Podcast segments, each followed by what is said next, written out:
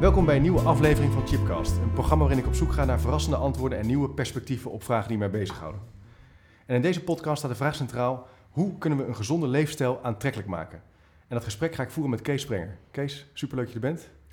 Dank je. Thuiswedstrijd, want jij woont in Driebergen. Op de fiets. Kijk, heel goed. Lekker dichtbij. En uh, voor degenen die jou niet kennen, Kees, je bent uh, adviseur, onderzoeker en docent. Onder andere lector geweest, lerende politieorganisatie. Klopt. En je hebt uh, onderzoek gedaan naar kenniskringen, naar netwerken. Vakmanschap is iets wat jou bijzonder interesseert. De transitie van opleiden naar leren is denk ik waar jij ook wel een bijdrage aan hebt geleverd. Daar heb je een aantal hele mooie publicaties ja. ook over geschreven. Ik noem dat wel eens de vormgeving van leerruimtes in organisaties. Ja, klopt. Um, maar daar gaan we het ook over hebben, maar niet helemaal. Want we gaan het hebben over gez een gezonde leefstijl, of wel gezonde leefpraktijken. Inderdaad, ja. ja. Een heel interessant thema. Ja, ja mijn proefschrift heet uh, Leerpraktijken. En ik vond leefpraktijken eigenlijk een mooie variant uh, daarop. Uh, ja. ja. Um, en het is wel... Het grappige is dat het eigenlijk... Dat eigenlijk mijn hobby en mijn werk elkaar op een gegeven moment wat meer zijn gaan kruisen. Oh ja. Want uh, eigenlijk vanuit interesse ben ik uh, als hobby uh, voedingsleer gaan studeren. En, nou, dat is inmiddels een jaar of zes, zeven geleden. Ja, dat weet ik nog, ja. Ja. En um, eigenlijk ben ik toen gaandeweg... Toen heb ik ook allerlei leuke, kleine, speelse experimenten gedaan met ja. voeding. Ook om te ontdekken van als je er nou anders gaat eten of drinken... merk je daar dan eigenlijk wel wat van. Ja. en gaandeweg ontdekte ik ontdekte ik eigenlijk dat dat soort experimentjes, proefjes, die soms ook, ik zeg je erachter, maar die soms ook wel echt iets van je vragen, ja. heel vergelijkbaar zijn eigenlijk met die leerpraktijken die ik professioneel steeds onderzocht heb en ook begeleid heb bij bedrijven en organisaties. Dus er ligt een relatie tussen, er zitten overeenkomsten tussen. Absoluut, er zit absoluut een overeenkomst tussen. Maar het is sowieso opvallend voor degene die jou niet kent. Jij probeert veel dingen uit. Je hebt bijvoorbeeld nu ook, ja dat kunnen we niet zien, je hebt hele bijzondere schoenen aan.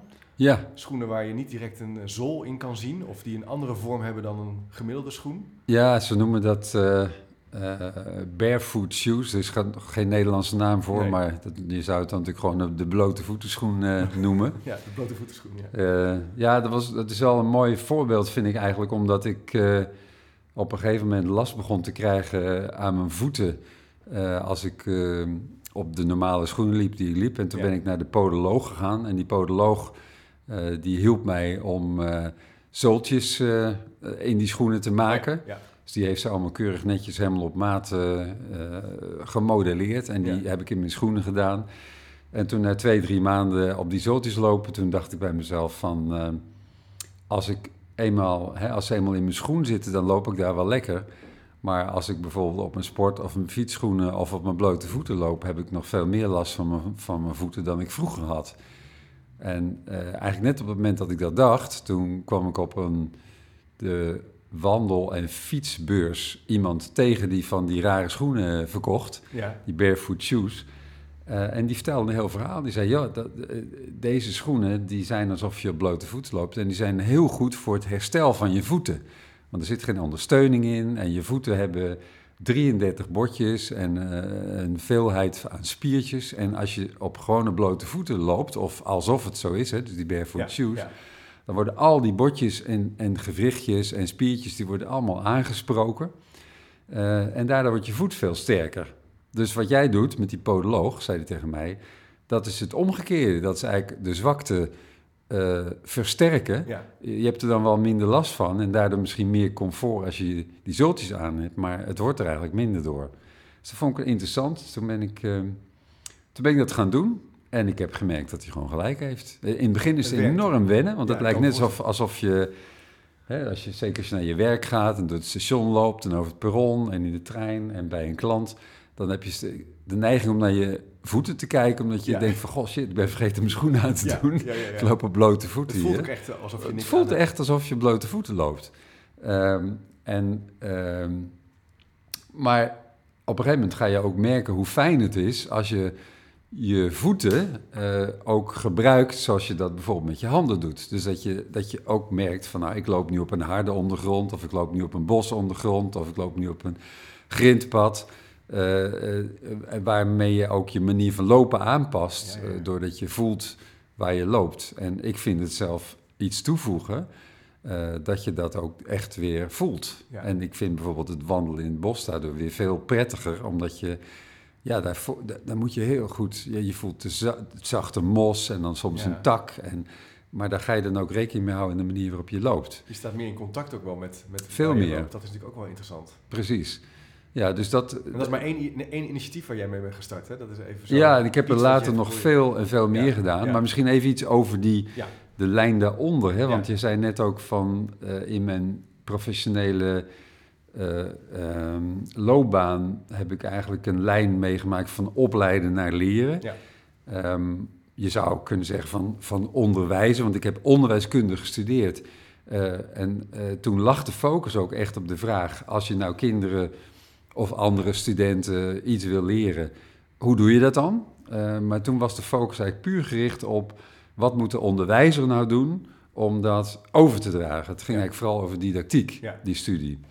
Ehm, en eh, als ik nu kijk naar het werk wat ik nu doe, eh, is eigenlijk dat hele, die hele focus op onderwijs of opleiders helemaal veranderd naar een focus op hoe kan je nou leerprocessen eh, faciliteren en stimuleren, waarin dus nu de lerende, de student, degene is die zelf leert en de onderwijzer van toen nu de begeleider of coach of adviseur is die een leeromgeving eh, ontwerpt eh, en mede vormgeeft, hè, die mensen coacht op een zodanige manier dat ze zelf eigenlijk Ja. aan het leren zijn. Ja. En dat, dat, dat dringt heel diep door, want je ziet dat zelfs nu op de, de basisscholen, de, de middelbare scholen, is dat ook de belangrijkste manier van leren geworden. Ja.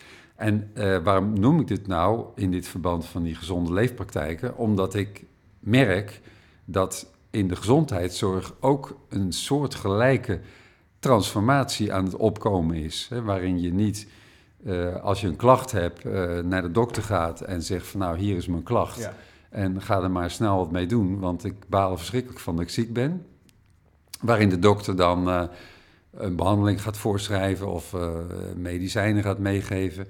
Of je gaat doorverwijzen naar een ontwikkeling waarin mensen veel meer zelf, ehm, de, de dokter nog steeds natuurlijk aanwezig is, maar veel meer degene is die je begeleidt in een, in een eh, en dan zou ik eigenlijk bijna zeggen, niet het, het beter worden, maar eigenlijk in het gezond zijn en blijven eh, van eh, lichaam, geest en leden, eh, waar, waarin je zelf de belangrijkste rol eigenlijk Ja. speelt. En waarom is dat belangrijk?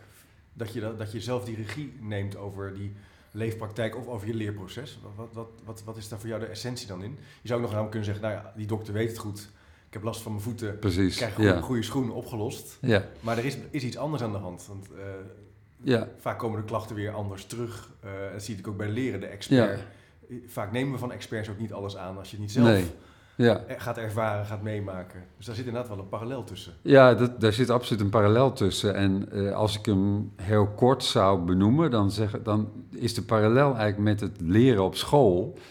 eh, dat we natuurlijk steeds meer ontdekt hebben dat, dat leren ongelooflijk individueel is. Dat de ene leert het door te doen en de andere leert het door te kopiëren. En de derde leert het doordat iemand heel inspirerend is.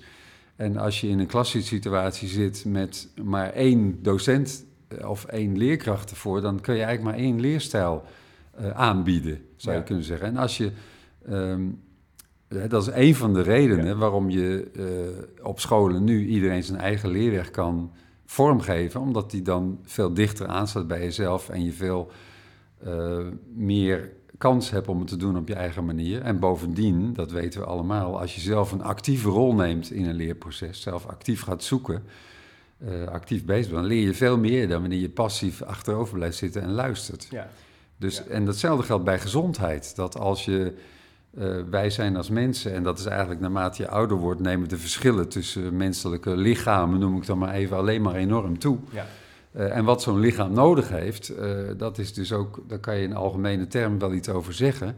Maar het is juist per lichaam ongelooflijk, dus per mens ongelooflijk anders en verschillend. ja. En eh, als je mensen leert om daar zelf mee bezig te zijn, dan kun je veel beter zelf ehm, je eigen lichaam en omgeving die erbij hoort gezond houden. Ja. Dus dat is, dat is een van de redenen waarom het zo... Ja, dat regie, waarom dat regie nemen zo belangrijk is. Precies. Hoe kijk je dan bijvoorbeeld nu, deze, ma deze maand of deze podcast komt net na januari waarschijnlijk uit. Maar dry, Janu eh, dry January, hè? Dry January, Dus ja. na de feestdagen even een maandje proberen te detoxen, niet meer drinken. ja. En eh, dat proberen mensen dan en dat wordt dan op Facebook of Instagram gezet. Ja. Of, eh, en daar zijn soms zelfs campagnes voor om dat aan te jagen. Hoe Ja, het is nu een heel, Ja. het is een campagne eigenlijk van de Jellyneck, hè, die Dry January, eh, overgewaaid uit Engeland heb ik begrepen, Ja. want daar schijnen ze het nog forser aan te pakken qua drinken dan hier. Ja, Eh, nou, ik vind het, eigenlijk is het voor mij ook wel een voorbeeld van een gezonde leefpraktijk, waarin je hè, probeert vanuit zo'n zo'n eh Jellyneck, eh, ondersteund door de, de NOS denk ik in dit geval, omdat die dat hebben,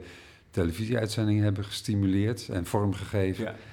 Ehm, het, is een, het is een manier om mensen samen te brengen. Ik las nu dat er op dit moment iets van 42.000 mensen meedoen in de maand januari. Dus dat is, dat is redelijk. Omvangrijk, ja. Ehm, maar je zou kunnen zeggen, het, het is natuurlijk ook enorm vrijblijvend. Hè? Want ja, je schrijft in, ja. eh, omdat je het op dat moment leuk vindt. Maar eh, ik weet niet hoe lang mensen het volhouden en hoe ze het volhouden. Verder is iedereen eigenlijk een beetje zijn lot overgelaten daarin... naar zo'n Ja. leuke televisieuitzending waar iedereen... eh, ja.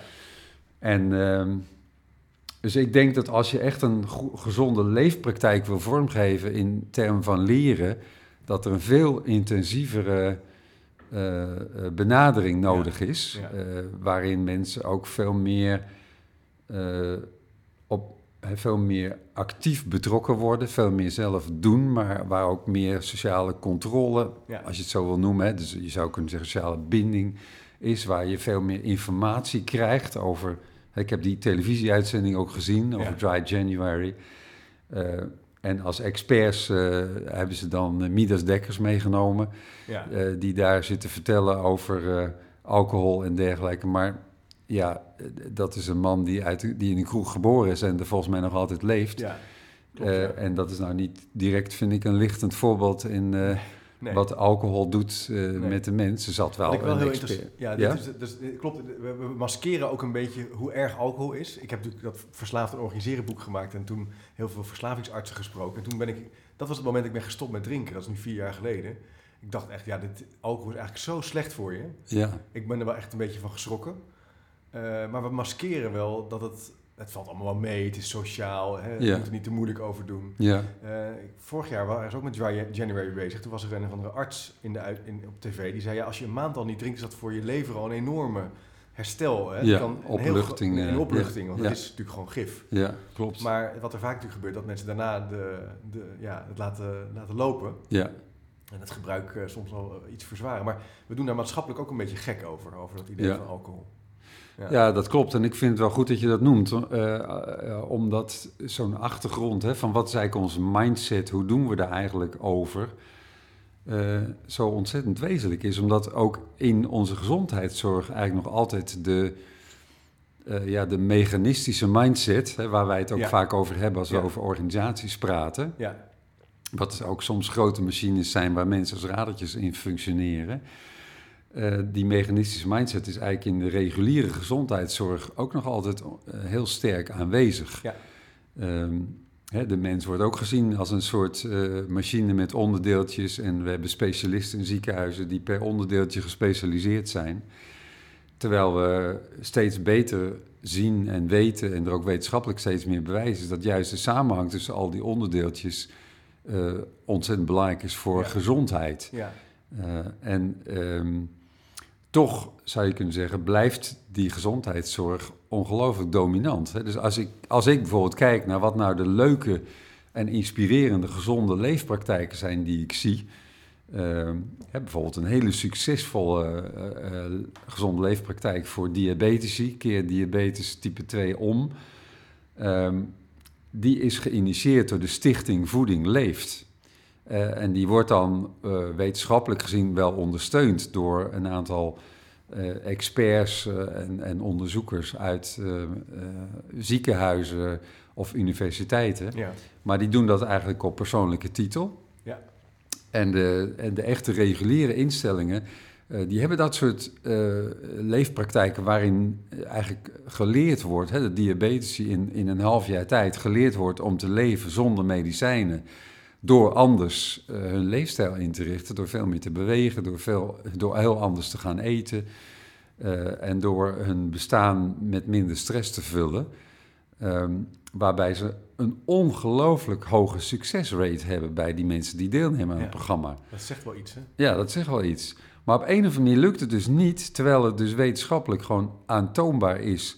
eh, dat ze hebben, als ik het zo uit mijn hoofd zeg, een succesrate van 87%. Dus 87% van alle mensen die deelnemen aan dat programma, eh, die worden daar beter van. Ja. Eh, nou, je praat, hè, als je praat over medicijnen zoals bloedverdunners, die iedereen krijgt voorgeschreven nadat hij eh, ook maar een lichte zweem van een, iets met zijn hart heeft, daar heb je een succesrate die, die ongelooflijk veel lager is, die onder de 10% ligt. Eh, en als het gaat om het voorkomen van eh, me- dat mensen sterven, is dat 0,3 procent. Drie op de, op de duizend. Eh, die daardoor de kans, de, waarvoor de kans kleiner wordt dat ze overlijden Ja. aan, het, eh, aan het Maar hartfalen. jij zegt dus eigenlijk ook, dus je kan veel beter op een andere manier kijken naar gezond leven Ja, dan die traditionele manier. Maar Ja. wat, wat, wat natuurlijk wel spannend is in onze samenleving, ik, ik herinner me dat nog een jaar of zeven geleden. Ja, jij wielrent veel, hè? Jij fietst veel, Ja. veel beter dan ik hoor, maar eh, ik heb wel eens met je meegefietst. ja, En ik herinner me toen op een gegeven moment eh, dat ik, ik fietste heel graag, maar ik werd toch zwaarder. Dat herinner ik me. En ik dacht van, hoe kan dat nou? En toen ben ik mijn voeding gaan bijhouden in zo'n app. ja, En ik wist eigenlijk heel weinig van voeding, veel minder dan toen jij. En toen schrok ik eigenlijk heel erg van mijn voedingspatroon. Daar ontdekte ik, had heel Ja. veel brood, maar ook wel... Ik dacht, ja, ik, ik fiets veel, dus ik kan chips eten. Ik kan, Ja. eh, weet je, een patatje eten en zo. Ja. Ja, op zich ben ik er ook niet zo tegen. Maar ik dacht, weet je wat, ik ga zo'n boek lezen erover. En ik ben toen anders gaan eten, anders gaan sporten. En daardoor merkte ik dat ik een enorme, ja, bijna transformatie wel doormaakte. In de zin dat je daardoor heel snel begint af te vallen, terwijl je wel meer eet. ja, Dat vond ik heel gek. ja. Dus ik had veel meer salades en ik had ook wel af en toe brood, maar Om minder. door anders te eten, Ja, ja, maar ik precies. voelde me ook fitter. Maar ook Ja. na het fietsen ik, had ik wel eens Ja. hoofdpijn bijvoorbeeld. Ja, Had ik, had ik niet meer. ja, Stopte. ja. En ik kon makkelijker ook die, die, die afstanden die ik graag wilde rijden. Ja, dus je, je merkt meteen de positieve effecten ervan Ja. eigenlijk, ja. Heel vreemd. Ja. Terwijl, Maar het is wel, weet je wat Dus zo mooi is aan, want ik heb toen die voedingsleer gestudeerd, heb ik ook een aantal mensen voedingsadviezen gegeven. Zelfs een tijdje Ah. gedacht van, eh, ik ga mijn beroep veranderen, want dit vind ik eh, ook belangrijk om te doen. Maar uiteindelijk vond ik het toch wel leuk om het adviseren en onderzoeken te blijven. Maar daar, daar eh, leerden we om te werken met precies zo'n lijst. Eh, Dat is een beetje hetzelfde wat jij zegt, waarin je mensen vraagt om bij te houden ja, wat je nou op één dag, 24 uur, je hoeft het maar één dag te doen, gewoon alles opschrijven wat je eet en drinkt. ja, Nou, weet je, als je mensen dat vraagt, eh, alsof je, alsof je s'nachts in een slaapkamer mag komen kijken hoe ze in bed liggen. Zo, zo gedragen ze zich. Ja. Zo, van, dat is zo'n soort, dat voelt zo privé. ja. Eh, de meeste mensen schamen zich daar dan zo, schamen zich daarvoor om Ja. te zeggen van ja, toen heb ik nog een handje pindas genomen en toen Ja. eh, had ik zo'n honger, heb ik uit de koelkast eh, nog een bakje met weet ik veel wat genomen. ja. Ja, als je inderdaad, als je de, de- het lef hebt, want je moet er lef voor hebben om, doen. om onder ogen te zien wat je daar wat dat betreft allemaal eh, inneemt, eh, dan schrikken mensen ervan. En dan is het vaak voor de meeste mensen een heel kleine stap om te zeggen, ik ga dat Ja, veranderen. ik hou iets eruit. Ja, En je kan al, dus dit, als, als we weer terug gaan, gaan naar leren, begint wel bij, leren begint ook wel bij een noodzaak voelen. Of, precies. of een reflectie hebben op Ja. iets wat je doet. Ja. En ontdekken, hé, hey, ik wil Ja. eigenlijk iets en dat, Ja. dit staat mij mogelijk in de weg. Ja. Of ik zou wel eens Ja. dit kunnen doen als dat. ja, en daar kan je ook wel zwaar de stadia van, van... In welk stadium van verandering verkeert iemand nou? En Ja. als je het bijvoorbeeld hebt over alcohol... en je kijkt naar Dry January en luistert naar de meeste van die mensen... dan zijn ze eigenlijk... eh, Het, het, eerste stadium is denk ik dat je een noodzaak ervaart. Ja. En dat eerste stadium bereikt... Als ik zo die mensen daar in de televisieprogramma's zie... het eerste stadium van noodzaak bereikt eigenlijk de meeste mensen daar nog niet eens. Nee. Die vinden het misschien wel grappig om eens een keer met wat vrienden af te spreken... en een paar dagen het ook eh, Nee. niet, niet te drinken. Maar dat dat dan ook iets met gezondheid te maken heeft... eh, dat is voor de meeste mensen... drinkt dat gewoon niet door. nee. En dat, is, dat vind ik wel heel eh, intrigerend. Hè? Dat, eh, om, vooral omdat we natuurlijk met die hele verandering die we rondom roken hebben meegemaakt, maar dan praat je wel over bijna 50 jaar Ja. eh, transitie. Ja. eh, het precies hetzelfde was. Dat eind jaren 50, eh, hè, op, als je televisieprogramma's ziet, zat iedereen daar. Alle presentatoren, ik geloof het journaal nog net niet. Maar achter het nieuws wel, die zaten allemaal heerlijk te paffen Ja, voor de televisie. Net zo goed als ze nu nog met het grootste gemak een glas wijn nemen tijdens een talkshow. Ja. Eh, deden ze dat toen ook. En als we nu terugkijken, zeggen van, hè, wa- was dat gewoon op televisie? Ja. Eh, maar dat is met alcohol, is die noodzaak, dat stadium, hè, dat er noodzaak voor is bij heel veel mensen niet, eh, niet, niet aanwezig. Hey, en als je nou een stap maakt, dit gaat over alcohol, over gezond eten. Een ander punt wat bij in de gezondheidsleer of gezond leven ook wel naar voren komt, is bijvoorbeeld niet eten. Dus dat die Ja. beetje je lichaam ook leert Ja, je te onthouden van voeding. ja Heb precies. je daar ook mee geëxperimenteerd? Dat je langere periodes probeert om niet te eten? Ja, precies. Ja, die vaste, Vaste, ja, beweging. intermediate fasting Precies, dat is dan, heeft dan meteen ook een, eh, want Ja, dat is dan Engels een hele aanvaardbare vorm ervan. Want dan eh, mag je wel iedere dag eten, maar waar, heb je verschillende varianten op. doe een intermediate fasting. Het is Ja. goed, ja. Ja, binnen acht uur moet je dan al je maaltijden Ja. zien te proppen. En dan de andere 16 uur, die, eh, Eet je niet. die eet je niet. Ja, dat heb ik ook gedaan. maar wel meer de, de harde vorm. eh, dat je dus echt helemaal niet eet en af en toe een sapje drinkt en zo. Dat, eh, wat we dan vroeger het sapvasten noemen. Ja. Eh, eigenlijk om je, ja, om je helemaal te reinigen, je darmen helemaal ja. te reinigen. Dat heb ik inderdaad ook, ook gedaan.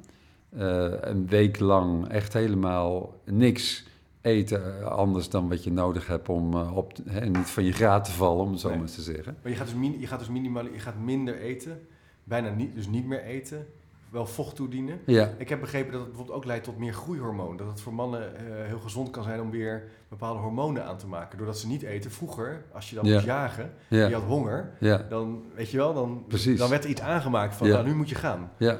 En dat voelen we eigenlijk niet meer. En dat, daardoor raakt ons lichaam af en toe in de war. ja, dat klopt. Dat je eigenlijk nooit een soort uitputting of vermoeidheid of, of enorme, enorme trek eh, Ja. meer meemaakt, omdat je hem altijd meteen bevredigt. Ja, eh. kan elke hoek kan je eten vinden. Ja.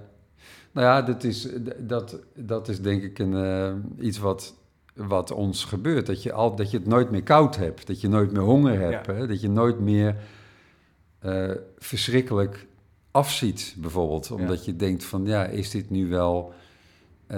ja, en dat, dat, dat is een onderdeel, denk ik, van de reden waarom wij heel vaak helemaal geen zin in die gezonde leefpraktijken hebben. Omdat we geen zin hebben om afscheid te nemen van, die, van dat comfort. En daar zit natuurlijk wel een soort hele sterke natuurlijke basis bij ons. Dat we eigenlijk altijd streven naar comfort. En als er eten is, moet je eten. Ja. Eh, Als het warm is, blijf je lekker zitten.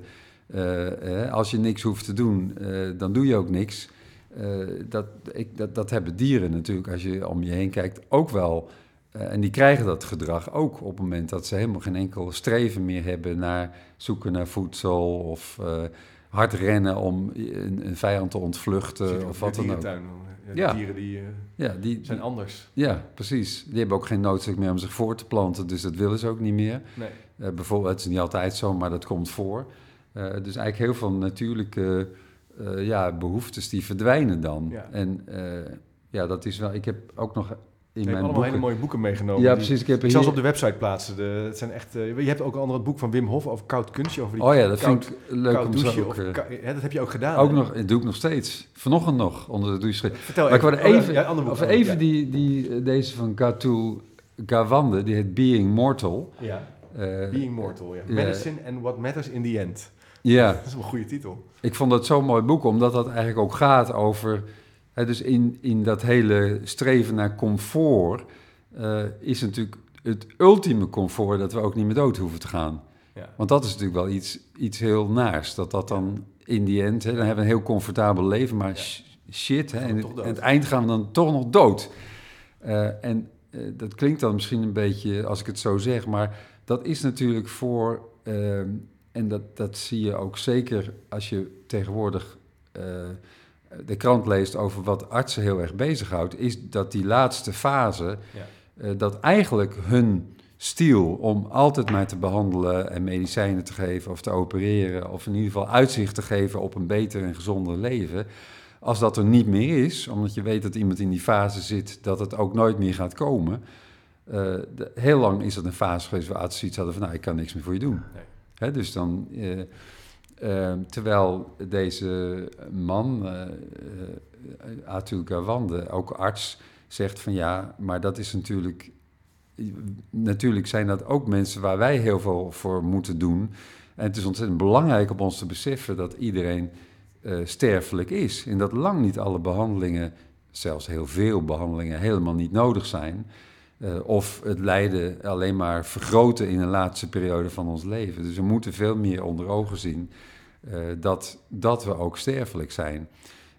en dat vind ik zelf een ontzettend wezenlijk punt, omdat het een soort drijfveer achter heel veel van de reguliere gezondheidszorg is, waardoor we maar blijven behandelen en mensen ook niet zelf die verantwoordelijkheid meer geven. En zeggen van nou, misschien moet je er nu voor kiezen om geen behandeling meer te nemen. Om hem heel, door hem heel goed af te wegen tegen wat er gebeurt als je wel een behandeling neemt en niet. Uh, ja, nou, en dat... Is ook we leven natuurlijk ook in een samenleving waar steeds, steeds belangrijk is om perfect te zijn. En waarin je allerlei onvolkomenheden inderdaad als een bijna snel wegpoetsen. Klopt. Ik heb wat ingreep ja, beter klopt. maken. Ja. En je zegt eigenlijk, dit is een, een, pleidooi om weer te accepteren, of een boek om te accepteren van er is, een, is sterfelijkheid een onderdeel van ons bestaan. Ja, precies. En, en, en, dat is dus ook een onderdeel van die leefpraktijk. Ja. Je ziet daar een relatie tussen. Ja, en dat is, uh, misschien moet ik, daar zie ik zeker een relatie tussen, omdat uh, ook uh, um, het met veel minder comfort leven, waar ook die dood bij hoort en het besef en, en, en in zekere zin de berusting bij die dood een ontzettend wezenlijk onderdeel is. En voor mij is een heel. Ik, ik ben mijn moeder dankbaar dat ik tot en met haar sterfbed uh, altijd dingen van haar heb kunnen leren. En een van de dingen die ik van haar geleerd heb, is dat toen zij uh, een, een hartaanval heeft gehad, ze is vlak daarna overleden, uh, maar ze was volkomen bij en gezond. Maar ze had wel uitvallende organen daardoor, omdat het hart beschadigd was. Ja. Um, en toen wilde ze haar meteen eigenlijk morfine toe, toedienen als ze een beetje pijn had. En ze zei, dat wil ik absoluut niet. Want ik wil bijblijven, uh, zodat ik het contact met jullie kan hebben uh, in mijn laatste dagen. Maar ik besef me ook dat doodgaan niet zonder pijn kan. en daar is, heb ik mijn hele leven lang op voorbereid gevoeld. Um, en toen merkte ik dat de arts en vooral die verzorgenden die erbij was, het daar ongelooflijk moeilijk mee hadden. Ja. Want die, die wilden morfinepompen aanleggen en die zeiden van neem het nou, want het is er. En waarom zou je lijden als het helemaal niet hoeft? Uh, dus dat is echt de, de, de overheersende overtuiging bij mensen in de reguliere zorg, dat je dat, je dat comfort altijd moet opzoeken. Ja. En mijn moeder, die wilde dat pertinent niet. Die had, dan heb ik maar pijn. En dat hoort er ook bij. als onderdeel van dat proces wil ik ook meemaken. Ja. Ja. En het bijzondere was dat, uh, en dan kom ik daarmee op Wim Hof. Het bijzondere was dat ik eigenlijk pas uh, op haar sterfbed uh, hoorde dat zij als doopsgezind op haar 18e jaar een beleidenis had gedaan. En in die beleidenis zei ze eigenlijk, het ging over jouw geloof in God. En zij, haar geloof in God was eigenlijk, zei, ik, ik ontmoet God als ik door de natuur loop en de wuivende korenhalmen zie, uh, de wind en de wolken en, en, en soms de regen en soms de zon, dan ervaar ik een ontmoeting met God. Uh, en um, daar hoort alles bij ja. uh, wat ik in mijn leven kan tegenkomen. En eigenlijk op haar sterfbed maakte ze dat ook weer waar door te zeggen, die pijn die hoort er ook bij, die wil ik voelen. En eigenlijk zei zij, als, ik, als je wil leven, dan moet je ook pijn willen voelen. Uh, en zij vertrouwde er helemaal op dat haar natuur uh, die pijn zou oplossen. En dat is uiteindelijk ook zo. Hè. Mensen gaan niet dood aan de pijn. Nee. Die pijn, dat is een signaal. Uh, en als op een gegeven moment je lichaam het niet meer aan kan, dan verdooft je lichaam eigenlijk zelf door, ja. door bewustzijn te, ver, hè, te verlagen. Of, uh, en dat vond ik heel mooi om te beseffen, omdat die natuur, het kennismaken met die natuur en het zijn in die natuur, uh, veel meer een omgeving is waarin al dat comfort zoeken uh, minder speelt. Ja. En die cursus die ik gevolgd heb van uh, Wim Hof, waarin we in een gletsjermeer eh, iedere ochtend eh, gingen dippen, zoals we dat noemden. Ja, ja. Dus alle kleren uit en eh, aan de overkant van het ijs, want die zag je aan de overkant van het meer in het water zakken, eh, gingen wij dan liggen in een meer van een graad of drie of vier boven nul of zo. Je zag helemaal de dampen zo van je, van je eigen lichaam opstijgen. En dat is heel oncomfortabel. Ja, is- Maar als je er eenmaal ligt, dan, dan voel je pijn. En eh, je, je leert dan, hè, Wim Hof die leert je om je te concentreren op je Ja. kern van je lichaam, waar je de warmte bewaart. Hè, je hoeft niet overal warm te zijn. Die, als je maar rondom je, rondom je hart en je longen en je, en je organen, als dat maar warm blijft. Nou, daar leer je jezelf op te concentreren. En dan merk je dat je steeds langer in het koude water kan liggen. En dat als je eruit komt, voel je een fantastische tinteling. En dan ben je helemaal alsof je... Nou, dan voel je zo fit. ja. Eh, dus dat is... eh, Is het een euforisch gevoel? een beetje wel, ja. Een beetje wel. Ik, heb, ik douche nog iedere ochtend koud Ja. eh, na twee minuten aan het eind. Ja. En ik zie er iedere ochtend weer tegenop. ja, dat vertelde je laatst. Dat. Maar en in- iedere ochtend denk ik in de eerste 30 seconden van... nou, deze, vandaag, vandaag is ja, 20 nou, seconden wel genoeg. Ja, ja. Maar iedere ochtend, als ik die laatste 30 seconden, als ik daar aankom, denk ik, goh, wat is het eigenlijk toch heerlijk. Want dan ga je er opeens van genieten. Ja. En als je dan onderuit komt, dan voel je je zo opgefrist en Ja. zo helder, dat je, dit- dat je de dag tegemoet treedt. Dus dat gaat ook wel een beetje om jezelf in een wat ongemakkelijkere positie te brengen. Dus eh, Ja. in contact weer met die kou. Of we hadden het daarvoor over minder eten. De acceptatie van sterfelijkheid als manier om ook naar pijn te kijken. Ehm, er zijn ook andere... eh, Jij bent ook wel... Hè, dat zijn wat, nou niet radicalere vormen, maar dat zijn wel de wat radicalere experimenten. In ieder geval kom je daar wat tegen Daar als je niks wel meer tegen. opzoekt. Ja. eh, Ja. Maar er is ook heel veel te winnen natuurlijk met bijvoorbeeld minder vlees eten. Ja. Hè, niet dat vlees nou per se slecht is, maar aan de andere kant weten we wel steeds meer dat heel veel vlees eten Ja. minder goed is. Eh, Ja. Jij eet veel meer bladgroenten bijvoorbeeld. Eh, ik ben een keer bij jou thuis geweest en dan zie je ook in jouw keuken dat die nou niet anders is. Het is gewoon een normale keuken, maar dat je wel anders kijkt naar eten. Ja. Ja. Kan je daar iets over zeggen? We aten bijvoorbeeld zalm en we hadden een smoothie van tevoren en jij Ja. gebruikt heel veel boter, eh, roomboter herinner ik me. Eh, Ja. Maar minder brood, hè?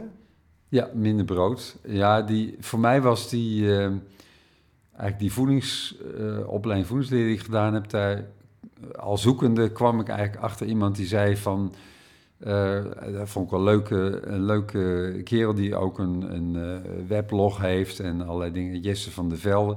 En die zei, als je nou wil beginnen om gezonder te leven, eh, begin dan met iedere ochtend een groene smoothie te, te maken en te Ja. drinken. Ja, dus daar kan je gewoon mee beginnen. Ja. Ja, en die was ook weer geïnspireerd door ja. het boek Green for Life, wat ook overigens in het Nederlands vertaald is later.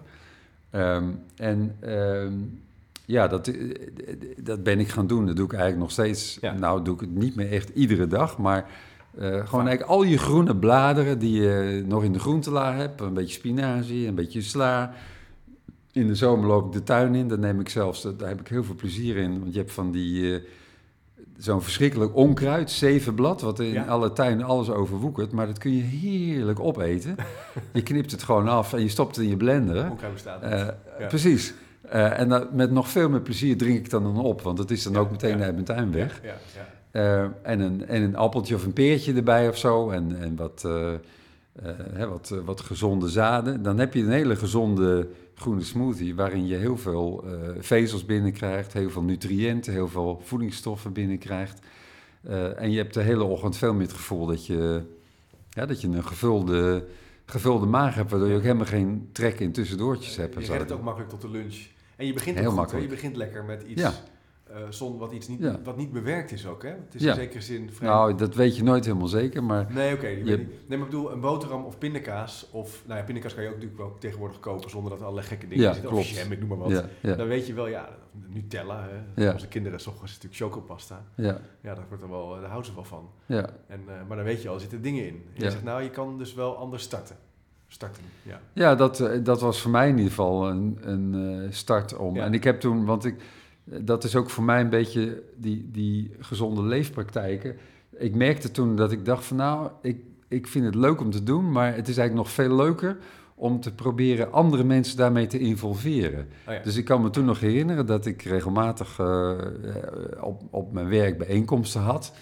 En dan dacht ik de vorige dag van, nou weet je wat, morgenochtend als we beginnen, dan geef ik iedereen, ik vraag altijd iedereen, wil je een kopje koffie? Uh, als je s ochtends begint, hè, als je vergadering hebt. Zo. Maar ik dacht van, nou weet je wat, ik maak een hele grote uh, bol met uh, groene smoothie. Die neem ik mee en dan vraag ik aan iedereen aan het begin van, wil je ook een groene smoothie? Ja, en dan krijg je automatisch, dat was natuurlijk een beetje ook uitgelokt, maar dat vond ik dan heel leuk. De mensen zeggen, groene smoothie, hoe kom je daar nou bij?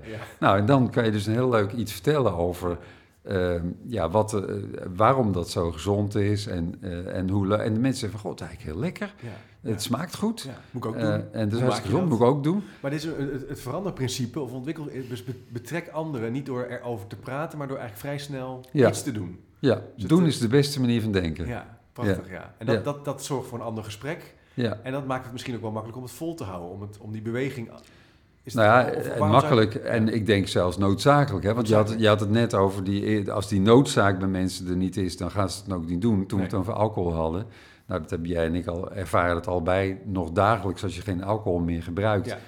Uh, hoe raar mensen je soms aankijken. Um, maar de stap dat je, de, de noodzaak is misschien een eerste stap in het veranderen, maar het anders doen is natuurlijk ongelooflijk wezenlijk om het ook vol te houden. Als, je, als, je, als je het niet doet, dan ervaar je ook niet wat het, eh, hoe het anders is.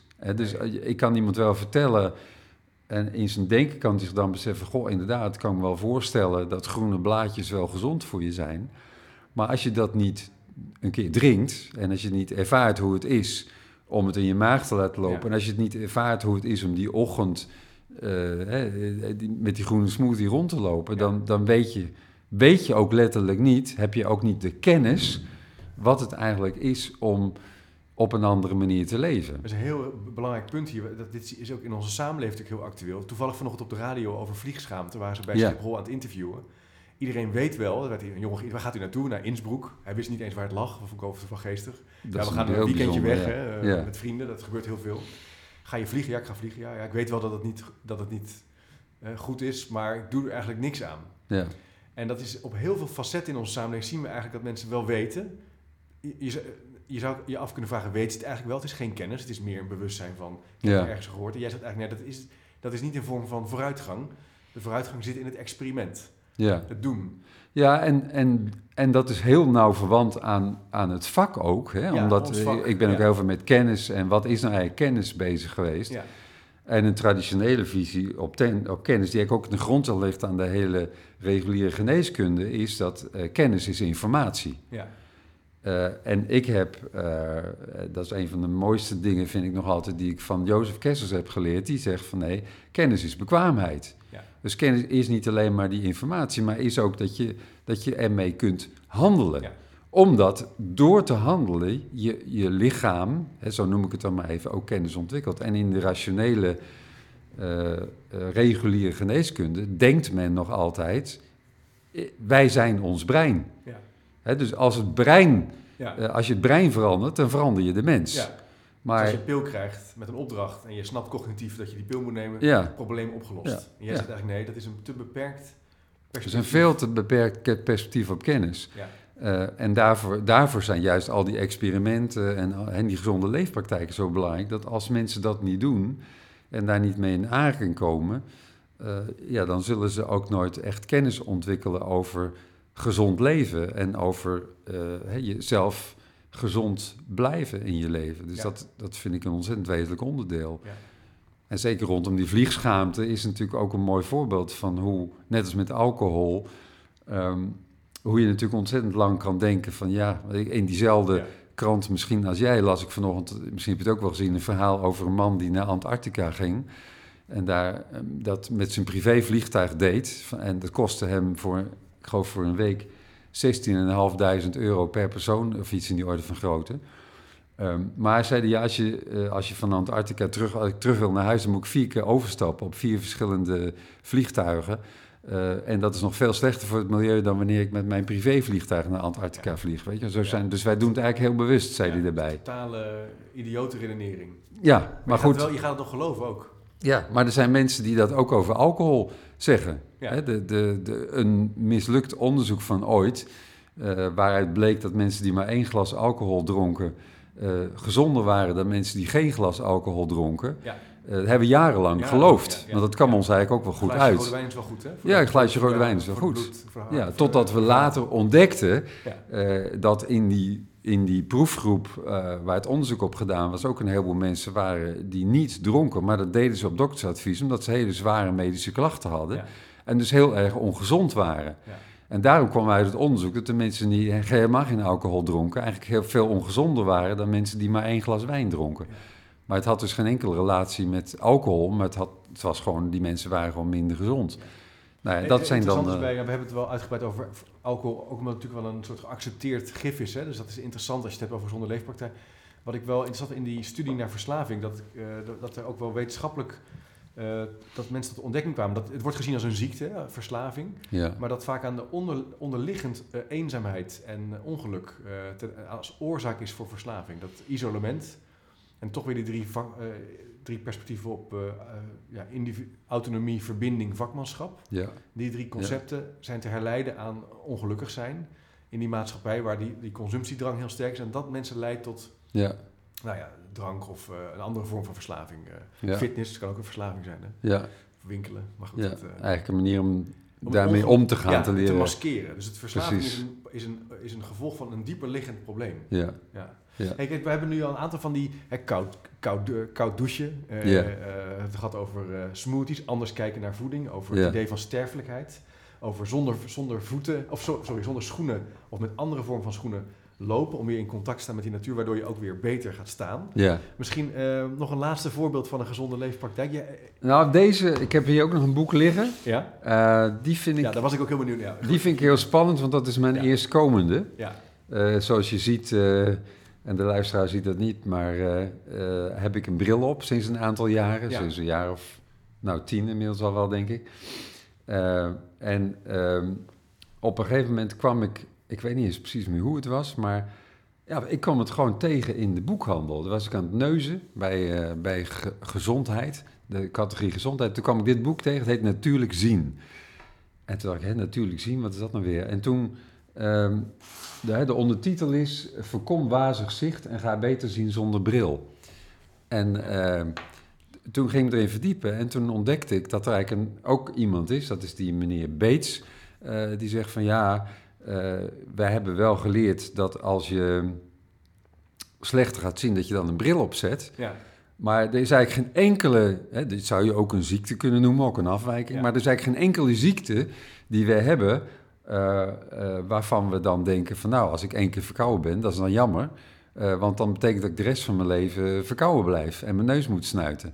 Maar bij minder zien, als we dat op een bepaald moment hebben, dan vinden we het heel natuurlijk dat iedereen altijd voor de rest van zijn leven een bril op Ja. heeft. Het wordt vaak ook altijd erger. Als je een En- bril hebt, dan En dat zegt hij ook, als Ja. je één keer een bril op gaat zetten, dat is hetzelfde dat je iedere dag neusdruppels blijft nemen. Want dan blijft ook altijd je neus lopen. Want dat blijft, altijd, Ja, blijf je altijd stimuleren. Eh, alleen, eh, het gaat langzamer dan bij die verkoudheid.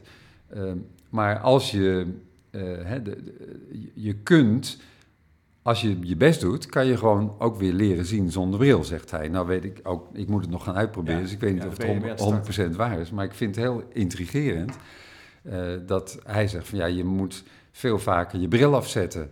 En, Je kunt weer oefenen. Je kunt het als Je kan het weer oefenen. trainen. ja, Het zal misschien niet gaan met, met, met eh, hele grote afwijkingen, maar misschien ouderdoms. eh, bedoelt hij, of gaat het echt over alle vormen van? het van gaat slecht eigenlijk wel over alle vormen, Ja, ja, oké. omdat hij ook zegt van ja, de, de, de filosofie achter de reguliere oogheelkunde is dat we, het, dat we niet meer kunnen accommoderen. Hè? Dus dat de spiertjes op onze lens eh, niet meer goed werken, waardoor we die lens niet goed meer hol en bol kunnen krijgen. En dat klopt ook wel, want die spiertjes nemen af. Maar hij zegt, een oogbol heeft veel meer spiertjes dan alleen maar die spiertjes in die lens. Dat is eigenlijk een beetje hetzelfde verhaal van die voeten. Eh, als, je, eh, als je erop traint, dan kunnen die spieren kunnen heel erg veel compenseren. Hè, want mensen in, in eh, gebieden waar ze geen brillen ter beschikking hebben, die kunnen heus nog wel genoeg zien om hun leven goed te kunnen leiden. Ja.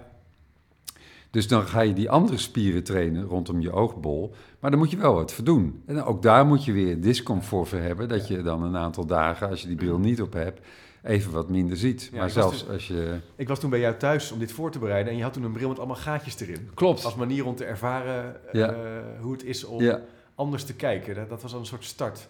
Ik herinner me overigens dat eh, mijn vrouw Marloes eh, heeft een dwaaloog, of had een dwaaloog. ja, En eh, ze vertel, haar moeder vertelde wel eens, toen ze geboren werd, toen zei de arts, nou, je moet, dat is niet goed, je moet geopereerd worden en eh dan moeten we wel recht trekken. precies. En eh, de moeder van Marloes heeft heel veel geoefend met een, eh, met een pen en met opdrachten. ook die spiertjes trainen Ja, van het oog. Ja, en dat is eigenlijk best wel heel goed Ja. is dat gegaan. En nu Ja. zie je het eigenlijk af en toe nog, als ze vermoeid is, dan zie je het oog soms een beetje wegtrekken. Ja, Maar verder kan ze er heel goed mee, mee kijken, er was geen operatie nodig. ja, dat is eigenlijk ook een soort natuurlijk herstel. Natuurlijk wat herstel, dan, dus je kan veel meer doen eigenlijk ja. dan we denken. Ja, ja, en heel veel, hè, datzelfde heb je natuurlijk ook een beetje gehad met die, eh, die hozen waarbij alle kinderen de amandelen werden geknipt en zo. Dat, hè, dat, ja. dat, dat, er zijn heel veel van dat soort eh, behandelingen geweest eh, die nu weer over zijn. ja. Dus het, eh, maar ik vind dit een spannende Ja. leerpraktijk. Daar ga dat- ik nog aan beginnen. dat ga je aan en dan... eh, Eh, dus als ik over een jaar nog eens een keer terugkom, ben ik misschien wel zonder bril, wie weet. ja, heel goed. En misschien, misschien lukt het ook niet, maar eh, Maar dat is, ook, dat is ook een inzicht, toch? Ja. Vind ik wel. En ik vind het zelf ook eh, heel erg de moeite waard om, eh, ja, om je nieuwsgierigheid intact te houden en dit soort dingen gewoon eens te blijven Ja. onderzoeken en uitproberen. ja. En dat niet alleen maar professioneel te doen, maar ook in je persoonlijk leven te doen.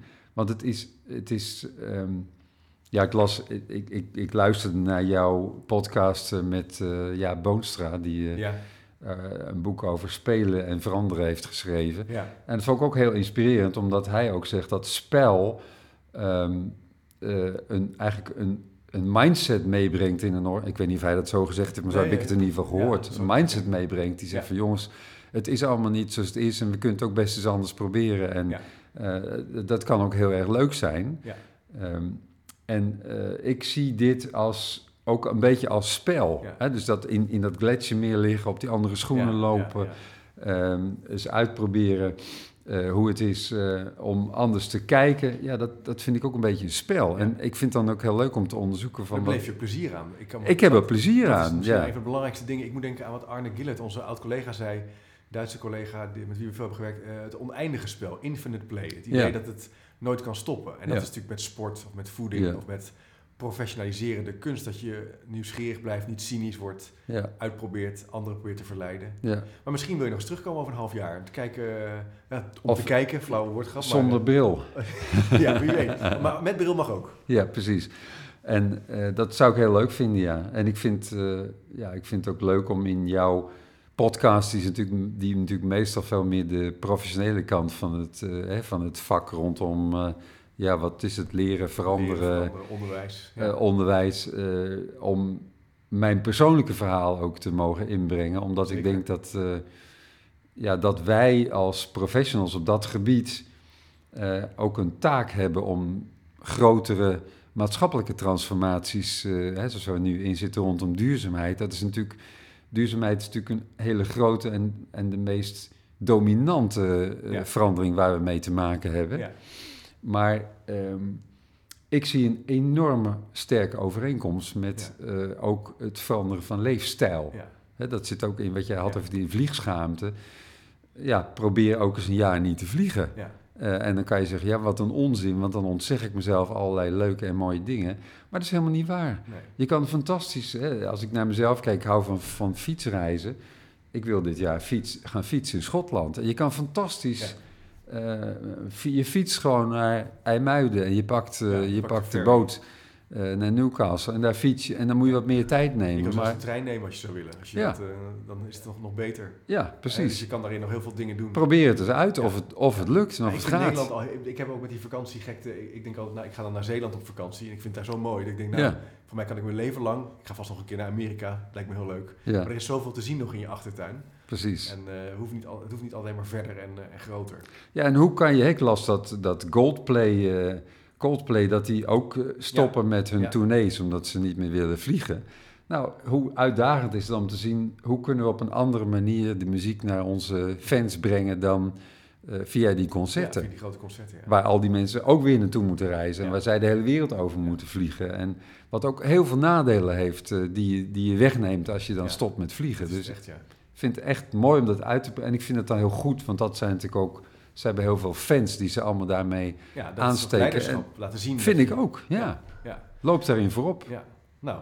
Je hoort het, beste luisteraar. Laten we voorop lopen, dingen uitproberen. Ik hoop dat de podcast met Kees uh, daar uh, aanleiding toe biedt. Uh, hoe zeg je dat? Ik vond het in ieder geval ontzettend leuk, Kees, om met je te praten over een andere manier van kijken naar leven, leren, leefpraktijken.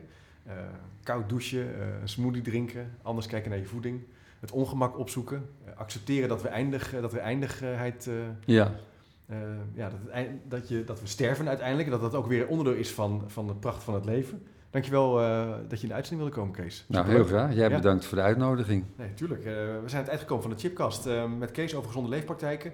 Ik zal een aantal links en, en, de boeken die we bespraken ook even op de website zetten, chipcast.nl.